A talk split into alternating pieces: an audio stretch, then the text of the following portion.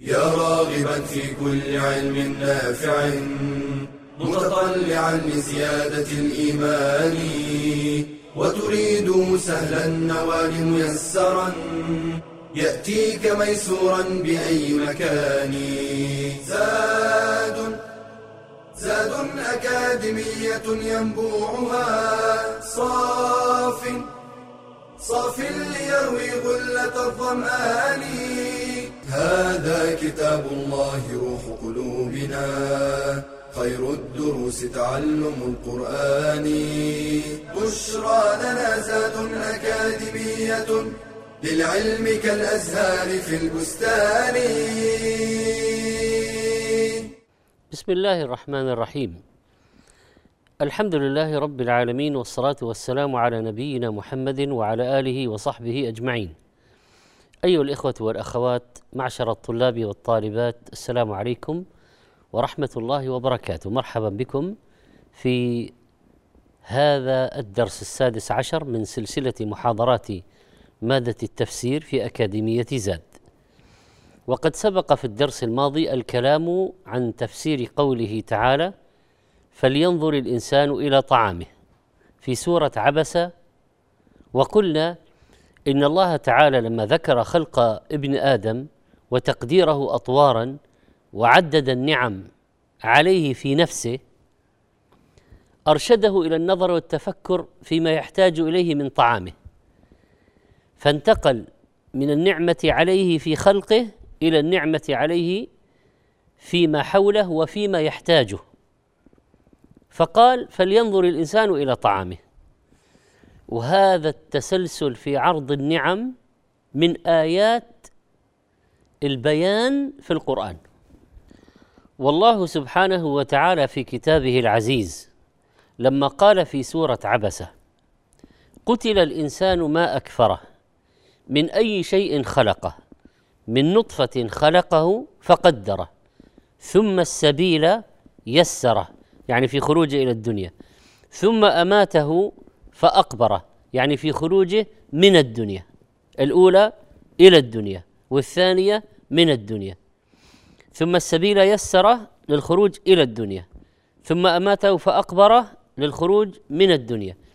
ثم إذا شاء أنشره كلا لما يقضي ما أمره. ما قضى حق الله عليه هذا الإنسان. انتقل العرض من نعمة ربنا علينا في إيجادنا نعمة الله على الإنسان في نفس هذا الإنسان إلى نعمة الله على الإنسان فيما حوله وما يحتاجه لبقائه. فلينظر الإنسان إلى طعامه. انتقال بديع من الإنسان لما حوله ولما يحتاجه. فلينظر الإنسان إلى طعامه إلى مأكله ومشربه كيف جاء هذا الطعام؟ أن صببنا الماء صبة. يعني المطر أنزلناه من السماء. ثم شققنا الأرض شقة يعني بخروج هذا النبات بعد نزول المطر على الأرض. فأنبتنا فيها حبا كل أنواع الحبوب. وعنبا فواكه. وقضبا القت وعلف الدواب. وزيتونا الشجرة المباركة. والزيت الذي يدهن به. ويدهن به. ويقتات عليه ويعاش عليه. وهو دواء وغذاء. ونخلة الشجرة المباركة الأخرى الأشد بركة والأنفع. ليس هذا فقط وحدائق غلبة بساتين كثيرة ملتفة فيها ظلال ونعيم وثمار وطعام وفاكهة وأبا. سبحان الله. ما بخل ربنا علينا بشيء. ما لا ما أعطانا فقط الضروريات لا أعطانا حتى آه رفاهية فواكه آه التحسينات والكماليات. ليس فقط القوت الضروري. لا حتى ما نرفه به عن أنفسنا في الطعام بهذه الفاكهة. ما معنى الفاكهة؟ ما يتفكه به الإنسان. وفاكهة. وأبا الأب الكلأ والمرعى مما يأكله الأنعام والدواب التي منها طعام الإنسان اللحم وشرابه اللبن ولباسه الصوف ومركوبه يركب على الإبل وغيرها. ثم قال الله تعالى متاعا لكم ومنفعة ولأنعامكم. أي عيشة لكم ولأنعامكم في هذه الدار إلى يوم القيامة. فالإمتاع ليس فقط للإنسان وإنما أيضا للحيوان الذي تتوقف مصلحة الإنسان على وجوده وعلى استمراره. لكن هذا كله مثل ضربه الله تعالى لبعث الموتى من قبورهم. كنبات الزرع تكون الأرض ميتة. صببنا الماء صبة شققنا الأرض شقة. أخرجنا وهكذا يخرج الإنسان. ومن نظر في هذه النعم المذكورة نظر الاعتبار أوجب له ذلك شكر شكر المنعم عز وجل. وبذل الجهد في الإنابة إليه والإقبال على طاعته والتصديق بخبره والعمل بأمره. بعد هذه البراهين الداله على البعث والنشور من خلق الإنسان وإحياء الأرض بعد موتها جاء ذكر المبرهن عليه وهو يوم القيامة والبعث والنشور وإحياء الأجساد لذلك اليوم. فقال الله فإذا جاءت الصاخة. ترتيب بديع وتسلسل. يعني لو واحد يعني حتى لو كان ملحدا وهو يسمع هذا قتل الإنسان ما أكثر من أي شيء خلقه. ثم فلينظر الإنسان إلى طعامه وإحياء الأرض. ثم فإذا جاءت الصاخة. المفترض أن يقتنع إذا كان له عقل وأن ينتقل إلى الإيمان بالله واليوم الآخر مباشرة. فإذا جاءت الصاخة. وقد ذكر الله تعالى أمر الدنيا ثم ذكر أمر الآخرة. ذكر أمر خلق الإنسان في الدنيا ومعاشه في الدنيا ثم بين أمر المعاد لأجل الاستعداد له والتزود بالأعمال الصالحة. فننتقل وإياكم بعد قليل إن شاء الله إلى تفسير قوله تعالى فإذا جاءت الصاخة.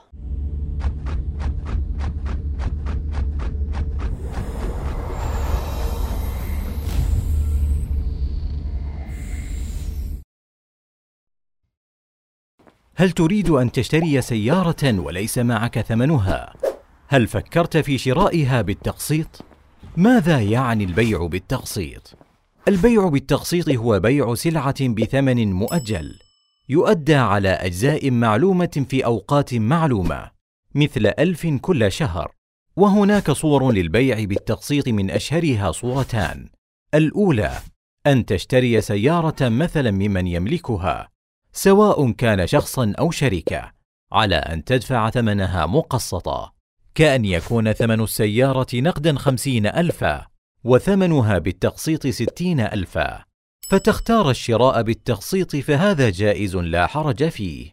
دليل ذلك عن أم المؤمنين عائشة رضي الله عنها قالت جاءتني بريرة فقالت كاتبت أهلي على تسع أواق في كل عام وقية. وكان ذلك بحضرة النبي صلى الله عليه وسلم وأقرها على ذلك. فهذا الحديث يدل على جواز تأجيل الثمن وسداده على أقساط. الصورة الثانية أن تشتري سيارة ممن لا يملكها وإنما يدفع ثمنها إلى مالكها نيابة عنك على أن تسدد المبلغ له مقسطا مع زيادة. كأن يكون ثمن السيارة في المعرض خمسين ألفا. فتطلب شراءها من جهة فتقوم هذه الجهة بدفع الثمن خمسين ألفا للمعرض على أن تسدد لها ستين ألفا بالتقسيط. فهذا من الربا المحرم. لأن حقيقة هذا العقد أن هذه الجهة سواء كان فردا أو بنكا أو شركة قد أقرضتك قرضا ربويا بفائدة ولم تشتري شيئا في الحقيقة لنفسها ليصح بيعه لك. ولهذا لو فرض أن البنك اشترى السيارة شراء حقيقيا وقبضها لديه ثم باعها عليك بالتقسيط بثمن أعلى مؤجل بدون شرط سابق ملزم بالشراء فلا حرج في ذلك فلا بد من توافر الشروط الآتية لشراء سيارة ونحوها بالتقسيط من البنك. أولاً: أن يشتريها البنك شراء حقيقيا، بحيث تنتقل إلى حيازته، ثم يبيعها بعد ذلك، ولا يجوز بيعها قبل أن تكون في حيازته. ثانياً: ألا يكون هناك شرط ملزم من البنك بأن يشتريها العميل قبل أن يتملكها البنك. ثالثاً: أن يخلو العقد من اشتراط غرامة على التأخير في سداد الأقساط، لأن ذلك ربا محرم، لكن يجوز للبنك أن يحتاط لنفسه برهن السيارة أو الاحتفاظ بوثيقة العقد والاستمارة حتى ينتهي العميل من سداد الأقساط. نسأل الله تعالى أن يفقهنا في الدين، وأن يرزقنا الرزق الحسن، وأن يكفينا بحلاله عن حرامه.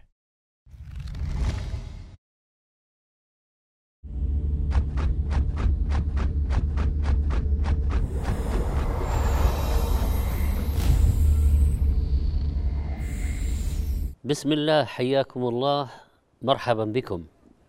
نعود إلى ما كنا فيه. فإذا جاءت الصاخة صيحة القيامة سميت بذلك لأنها تصخ الأسماع. يعني تبالغ في الإسماع حتى تكاد تصم الأسماع.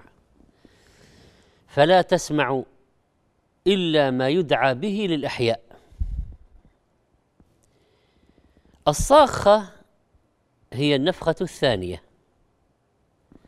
وهي التي يكون معها البعث. الصاخة هي المسمعة وإن كادت لتورث الصمم من شدتها وهنا في فصاحة بديعة. هناك فصاحة بديعة. صيحة القيامة مسمعة تصم عن الدنيا وتسمع الآخرة. إذا قال واحد الصاخة فيها معنى الصمم. وأيضا الصاخة فيها معنى الإسماع لأنها صوت شديد قوي. فما وجه ذلك؟ الجواب تصم عن الدنيا وتسمع الآخرة. قال ابن عباس رضي الله عنهما فإذا جاءت الصاخة هذه من أسماء يوم القيامة عظمه الله وحذره عباده. ومعنى الآية فإذا جاءت صيحة القيامة التي تصخ لهولها الأسماع وتنزعج لها الأفئدة مما يرى الناس من الأهوال وشدة الحاجة لسالف الأعمال. وقد خصت سورة عبس بذكر الصاخة وسورة النازعات بذكر الطامة لأن اسم الطامة أرهب وأنبأ بأهوال القيامة فهي تطم وتعلو فوق غيرها. أما الصاخة فالصيحة الشديدة لأن الناس يصيخون ويستمعون لها. هذا من معنى أيضا الإصاخة. فلما كانت الطامة أبلغ في الإشارة إلى أهوال القيامة خص بها أبلغ السورتين في التخويف والإنذار وهي سورة النازعات لأن مبنية على التخويف والترهيب وذكر الراجفه والرادفه وما يتبع ذلك من الهلع والتخويف فيها أشد. أما سورة عبسة كانت مبدوءة بقصة عبد الله بن أم مكتوم الأعمى رضي الله عنه و قواعد في الدعوة إلى الله ومراعاة المصالح الشرعية والإقبال على المقبلين وأن لا يكون الإقبال على على المعرضين على حساب المقبلين. آه، فيها أشياء أخرى. آه، ثم جاء الانتقال إلى آه، ذكر المعاد وإثباته بخلق الإنسان وإحياء الأرض قبل ذكر الصاخة. وأيضا يقال خصت النازعات بالطامة لأن الطم قبل الصخ والفزع قبل الصوت فكانت هي السابقة. وخصت عبس بالصاخة لأنها هي اللاحقة. ويقول الله عز وجل فيما يكون في ذلك اليوم فإذا جاءت الصاخة يوم يفر المرء من أخيه فهو يفسرها لنا ما هي الصاخة ماذا يحدث فيها؟ يوم يفر المرء من أخيه وأمه وأبيه وصاحبته وبنيه لكل امرئ لكل امرئ منهم يومئذ شأن يغنيه. مجموعة من الأقارب أقرب الأقارب آه، من الدرجة الأولى.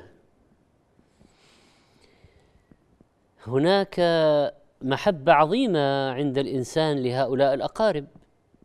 هذه العادة. فكيف ينشغل عنهم؟ وكل واحد منهم منشغل عن الآخر. بالرغم من قرابتهم وقربهم من بعضهم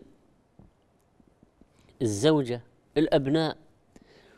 ومع ذلك يأتيهم هول يشغل بعضهم عن بعض. إذا قوله تعالى يوم تفسير لقوله الصاخة. فكأن السامع إذا سمع فإذا جاءت الصاخة يقول ما هي الصاخة؟ يعني في نفسه. فيأتيه الجواب يوم هذا تفسيرها يوم يفر المرء من أخيه. وهذا اليوم يكون بعد إدبار الحياة الدنيا ومجيء الصاخة يوم آخر غير أيام الدنيا يوم خاص يوم طويل عبوس قمطرير.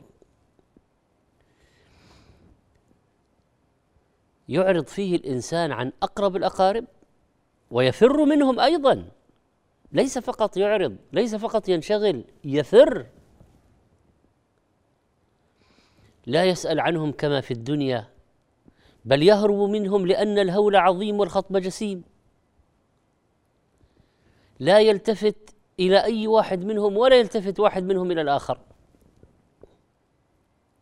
لا يكلمه لاشتغاله بنفسه. الهول عظيم والخطب جسيم. كما قال الله لكل امرئ منهم يومئذ شأن يغنيه. هذا تفسير يعني لماذا الانشغال؟ لماذا الهروب؟ وقال تعالى يود المجرم لو يفتدي من عذاب يوم, يوم من عذاب يومئذ ببنيه وصاحبته وأخيه وفصيلته التي تؤويه.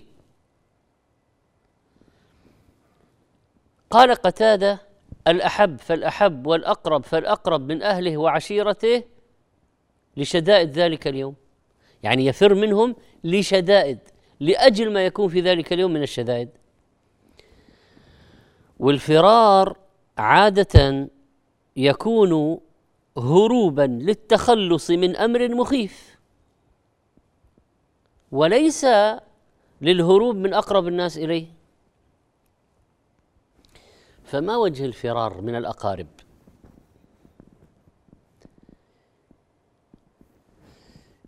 لأنه لا يمكن أن ينفعهم ولا ينفعوه. ما ينفع الإنسان العمل الصالح.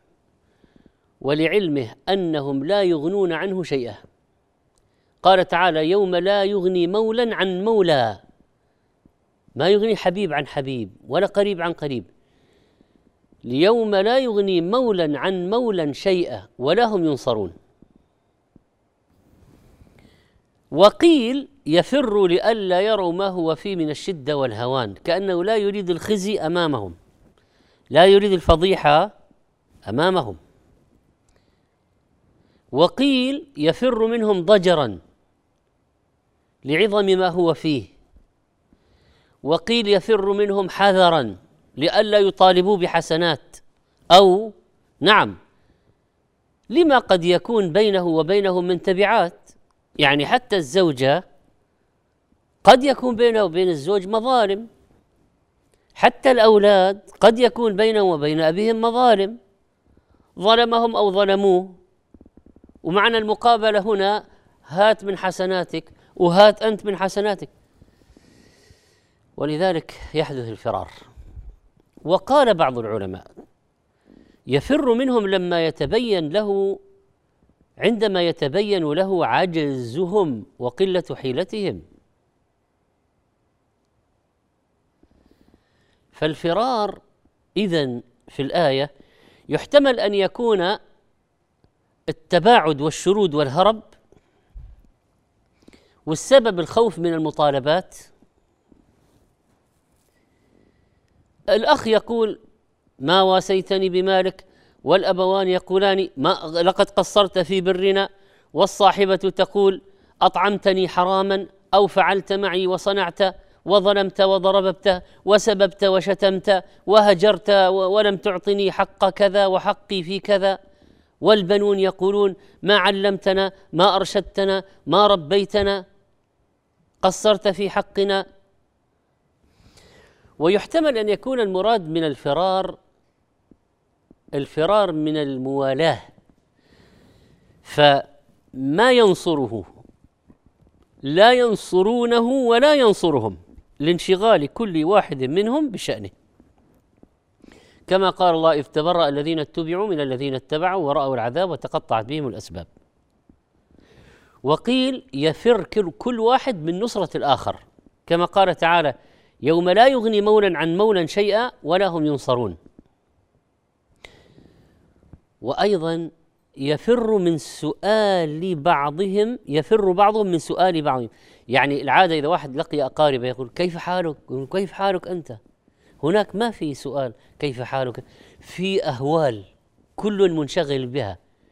فيكون الفرار كما قال بعضهم من سؤال بعضهم بعضا عن الحال.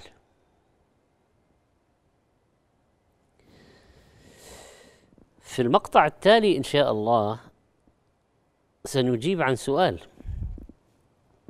لماذا بدأ بالآية في الآية بالاخ, بالأخ ثم الأبوين ثم الصاحبه والبنين؟ مع أن الصاحبه والبنين أقرب من الأخ. سنأتي إلى ذلك إن شاء الله بعد قليل.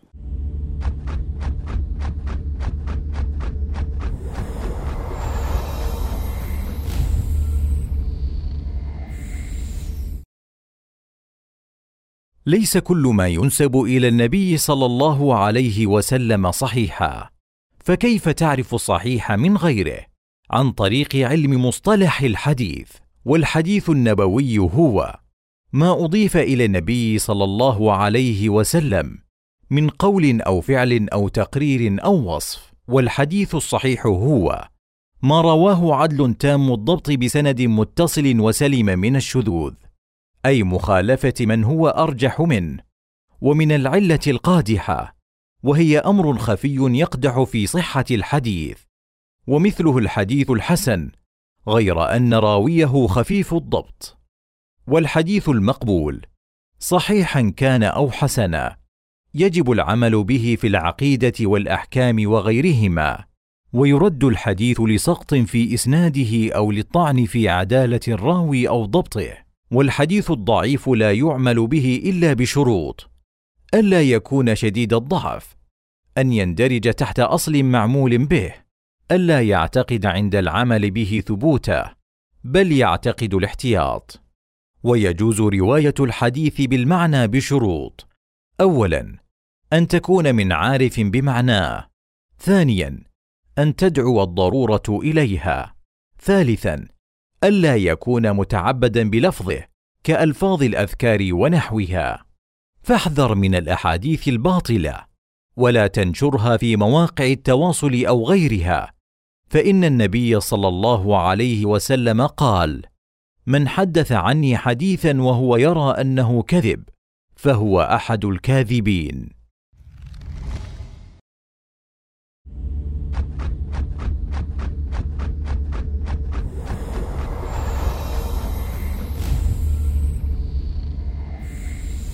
الحمد لله مرحبا بكم.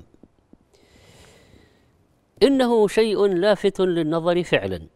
يوم يفر المرء من أخيه وأمه وأبيه وصاحبته وبنيه. لماذا بدأ بالأخ؟ مع أن الأب والأم أقرب والصاحبه والبنين أقرب من الأخ. الجواب بدأ بالأخ ثم بالأبوين ثم بالصاحبه والبنين تدرجا إلى الأحب والأقرب. كأنه قال يوم يفر المرء من أخيه بل حتى من أبويه بل من صاحبته وبنيه. فهو اذا تعبير بلاغي للبدء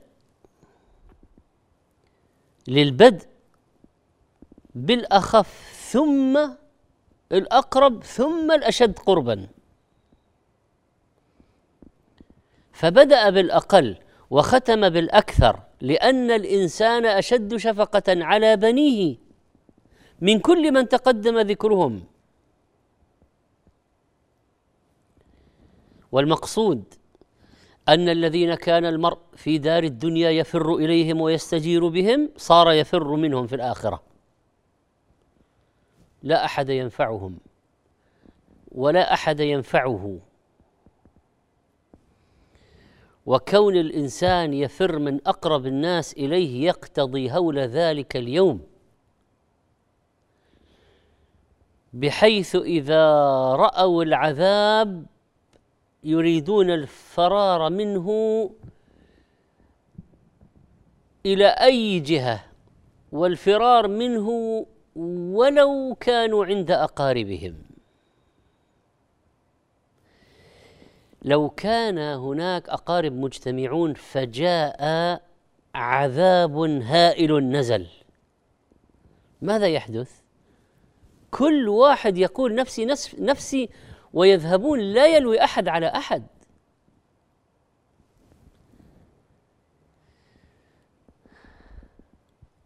وقد ذكر الله تعالى أصناف القرابة الأقرب فالأشد قربا القريب فالأشد قرابة حتى يكون لذلك وقع في النفس وأن يقول الإنسان أفر من أخي؟ بل من أمي وأبي بل حتى الزوجه والأولاد أقرب الناس إلي. جاء التفسير لهذا الفرار بقوله تعالى لكل امرئ منهم يومئذ شأن يغنيه. لكل امرئ منهم يعني من الأخ والأب والأم والصاحبة الزوجة والأولاد الأبناء طبعا ذكر الأبناء ولم يذكر البنات لأن الإنسان يعتمد على أبنائه أكثر ويلجأ إليهم أكثر وفي الشدائد الذكور يقومون معه ومع ذلك الآن يفر منهم ويفرون منه. لكل امرئ منهم يومئذ شأن يغنيه لكل واحد. يعني حتى الأبناء كل واحد يتفرق عن الآخر. حتى الإخوان كل واحد منهم يتفرق على الآخر فليس الإخوان مع بعض والأبناء مع بعض والزوجات مع لا لكل امرئ منهم يومئذ شأن يغنيه يكفيه ويشغله عن غيره. ما هو هذا الشأن؟ تفكير في سيئاته خوفه من النار رؤية النار التي أمامهم تلظى زفير وشهيق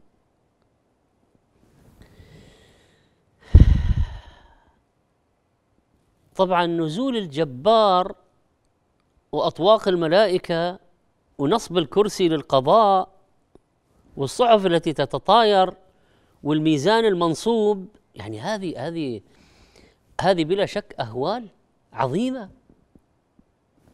لكل امرئ منهم يومئذ شأن يغنيه ويصرفه ويصده عن قرابته. يقال أغن عني وجهك يعني اصرفه. أغن عني السفيه أبعده. لكل امرئ منهم يومئذ شأن يغنيه قد شغلته نفسه واهتم بفكاكها ولم يكن له التفات إلى غيرها. نفسي نفسي. فله شأن لا يقدر مع الاهتمام به على الاهتمام بغيره. وأنتم آه، تسمعون أحيانا في أخبار مثلا آه، الفارين من كارثة أو من هجوم أو في الحرب أو في القصف أو في الغرق في البحر إن بعض الناس يقول والله تركت أولادي والله هربت بنفسي وحتى ما استطعت أن آخذ الزوجة ولا آخذ الأولاد ولا آخذ أبي ولا هذا على إيش؟ على قصف في الدنيا يعني على عذاب في الدنيا على هول من أهوال الدنيا فكيف بأهوال الآخرة وقد جاء في حديث سودة زوج النبي صلى الله عليه وسلم قالت قال رسول الله صلى الله عليه وسلم يبعث الناس حفاة عراة غرلا يعني غير مختونين. يلجمهم العرق ويبلغ شحمة الأذن. فقالت يا رسول الله وسوءتاه ينظر بعضنا إلى بعض. يعني نبعث عراة طيب الرجال والنساء العورات. فقال عليه الصلاة والسلام في هذه الرواية شغل الناس عن ذلك. وتلا عليه الصلاة والسلام قول الله يوم يفر المرء من أخيه وأمه وأبيه وصاحبته وبنيه لكل امرئ منهم يومئذ شأن يغنيه. طبعا الحديث جاء عن عائشة رضي الله عنها بسياق آخر مشابه لكن هذه رواية الحاكم والطبراني عن آه، أم المؤمنين آه، سودة رضي الله عنها. قوله تعالى لكل امرئ منهم يومئذ شأن يغنيه. جاء في حديث الشفاعة الطويل فيقول الناس ألا ترون ما قد بلغكم؟ ألا تنظرون إلى من يشفع لكم إلى ربكم؟ فيقول بعض الناس لبعض عليكم بآدم الحديث وفيه فيقول نفسي نفسي نفسي اذهبوا إلى غيري. ثم ذكر نوحا وإبراهيم وموسى وعيسى عليهم السلام. كل واحد يقول نفسي نفسي نفسي. أنبياء أولو العزم من الرسل أولو العزم من الرسل.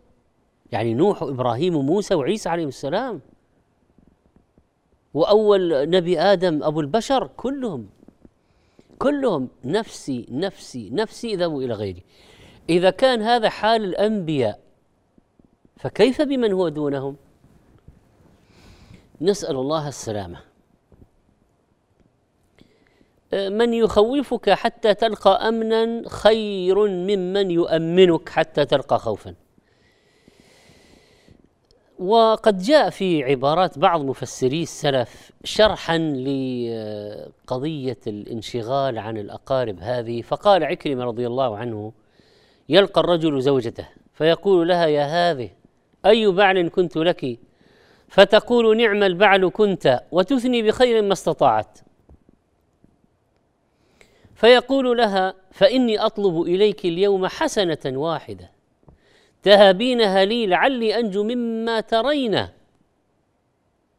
يعني إن كنت تحبينني ولي مقام ومنزل عندك حسنة. فتقول له ما أيسر ما طلبت ولكني لا أطيق أن أعطيك شيئا. أتخوف مثل الذي تخاف. وذكر مثل ذلك مع الإبن وذكر مثل ذلك مع الأب وهكذا. اذا هذه أهوال عظيمة في ذلك اليوم. نسأل الله سبحانه وتعالى أن يجعلنا فيه من الآمنين. وأن يجعلنا فيه من الناجين. وأن يغفر لنا يوم الدين. وأن يتوب علينا إنه أرحم الراحمين. وأن يدخلنا الجنة بلا حساب ولا عذاب ويعتق رقابنا من النار. إنه هو الكريم الوهاب. إلى درسنا القادم. أستودعكم الله. والسلام عليكم ورحمة الله وبركاته. يا راغبا في كل علم نافع متطلعا لزيادة الإيمان. وتريد سهلا النوال ميسرا يأتيك ميسورا بأي مكان. زاد زاد أكاديمية ينبوعها. صاف صاف ليروي غلة الظمآن. هذا كتاب الله روح قلوبنا. خير الدروس تعلم القرآن. بشرى لنا زاد أكاديمية للعلم كالأزهار في البستان.